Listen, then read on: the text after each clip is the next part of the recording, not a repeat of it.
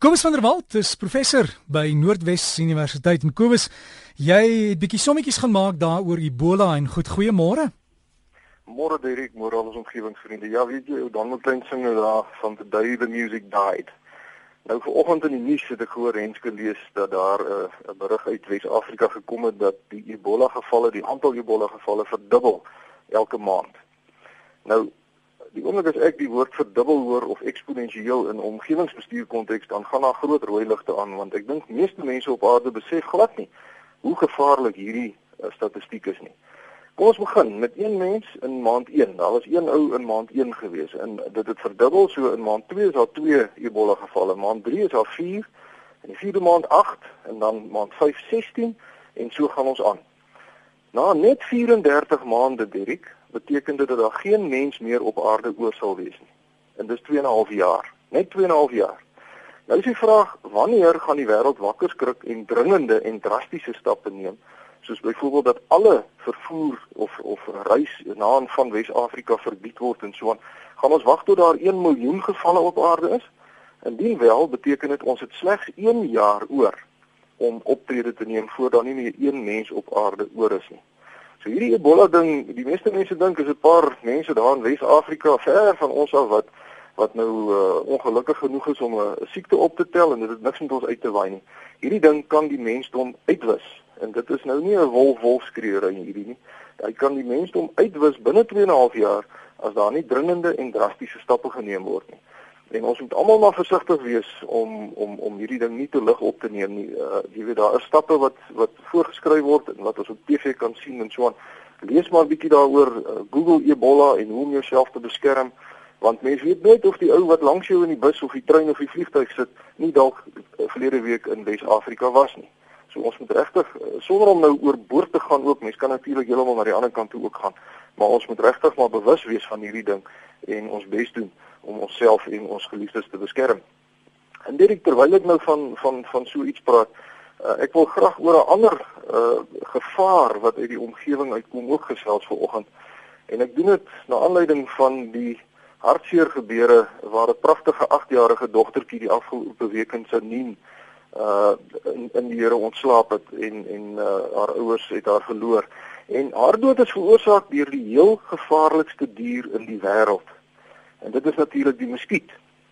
Die Amerikaanse miljardêr en filantroop Bill Gates het onlangs op sy blog geskryf dat ons mense baie meer aandag aan die gevaar wat muskiete vir ons inhou behoort te gee. Muskiete maak 50 000 keer soveel mense dood as haie. Maar op DStv is daar uh, gereelde shark weeks wat mense nou sien hoe haie gevaarlik is en so. Maar ons het nooit 'n program oor muskietweke nie. Ehm um, en en die dit dit wys dat ons eintlik dit net soos met Ebola nie mooi besef hoe gevaarlik die muskiet is nie. Nou die naam muskiet is 'n Spaanse woord wat klein vliegie beteken, maar hierdie klein vliegie veroorsaak gemiddeld 600 000 sterftes elke jaar as gevolg van malaria. En verder word miljoene mense siek aan verskeie ander siektes soos die Weselike Nile virus, geelkoors, daar's daar 'n koors wat ek nie eens geweet het bestaan nie, sy naam is knokkelkoors en dan ook enkefalitis. En daar's meer as 2500 verskillende tipes muskiete op aarde en hulle kom oral voor behalwe op Antarktika of bo op die hoogste berge op aarde. Maar gedurende die broeiseisoen van muskiete is al meer muskiete op aarde as enige ander dier met die uitsondering van mure en termiete. En wanneer 'n muskiet jou nou steek, dan word chemikalieë in jou liggaam ingepomp wat keer dat die bloed stol en die geheue wat mens dan voel is die liggaam se teenreaksie om hierdie chemikalieë nou te probeer afbreek. Nou, wyse muskiete het bloed nodig om te kan voortplant omdat die bloed proteïene verskaf wat die muskiet eiers nodig het om te kan ontwikkel. En die eiers broei in staande waterpoele uit en die larwes ontwikkel dan binne 'n paar weke tot volwasse muskiete. Nou voor 'n muskiet jou steek moet hulle jou eers kry en hulle doen dit op drie maniere, naamlik deur die koolstofdioksied en melksuur wat in ons asem is, wat ons uitasem. Hulle kan dit waarneem. Nog 'n manier is hulle kan ons liggaamshitte waarneem, infrarooi en dan ook deur sommige van die 300 chemiese stowwe wat ons velle afskei. Uh, op elke mens se vel is daar tot 300 verskillende chemiese stowwe wat nou in ons sweet is en so. Nou sommige mense skei nou meer van die soort chemiese stowwe af wat muskiete aanlok as ander. So dit is waar dat muskiete sommige persone sal uitkies om te steek terwyl ander mense wat in dieselfde geselskap is nou skotvry daarvan sal afkom. Maar die verspreiding van muskiete word soos met enige ander organisme op aarde ook beïnvloed deur die mens en sy aktiwiteite, want muskiete word in ons voertuie en ons bagasie versprei en hulle getalle neem vinnig toe waar daar vinnige verstedeliking is omdat die toestande dan gunstig is. So soos byvoorbeeld 'n bietjie reënwater wat binne in 'n ou plastieksakkie wat iewers op die grond lê. Uh dit is 'n baie goeie broedplek vir muskiete. So informele nedersettings waar vullis nie gereeld verwyder word nie, is aan groter muskietkonsentrasies blootgestel. Nou die mees bekende siekte wat deur muskiete veroorsaak word is natuurlik malaria. En die oorsaak van malaria is 'n parasiet wat deur die muskiet in jou liggaam ingespuit word saam met die teenstolmiddel om die bloed nou vloeibaar te hou. Nou omtrent 50 jaar gelede het die mens gifstowwe so DDT op groot skaal begin gebruik in die bestryding van malaria. En alhoewel dit aanvanklik baie suksesvol was, het ons opgehou daarmee omdat die muskiete weerstandig geraak het teen die gifstowwe en verder het die mens toe nou agtergekom dat DDT veroorsaak dat voëls eiers lê, maar die eiers se doppe is nie meer hard nie, dis sagte doppe. So as die voël op die eier gaan sit, dan breek die eier en die vloeggetalle het toe dramaties afgeneem. En voels is juist een van die goed wat insekte eet. So dit was nou heeltemal 'n negatiewe, 'n kontraproduktiewe ding. En verder het 'n toename in internasionale handel weerstandige muskiete toe oor die hele wêreld versprei sodat die effektiwiteit van die gifstowwe wêreldwyd verder afgeneem het. Die toediening van gif is ook duur en moeilik. En so baie regerings het toe hulle strategie verander na voorkomingsmaatreëls, soos byvoorbeeld om muskietnette uit te deel wat mense nou beskerm as hulle slaap en dan ook kennisverspreiding oor die gevaar van muskiete en hoe om jouself te beskerm.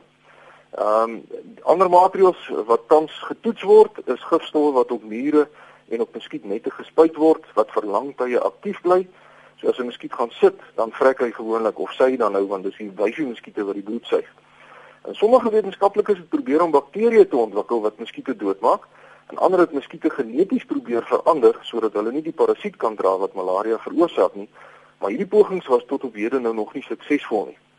So Derek, ek sluit af. Hoe kan ons onsself beskerm teen die gevaar van muskietoordraagbare siektes? Eerstens is dit so dat die meeste muskietspesies verkies om in skemertye aktief te wees. So wanneer die muskiete soek na slagoffers, moet mens maar binne huis probeer bly.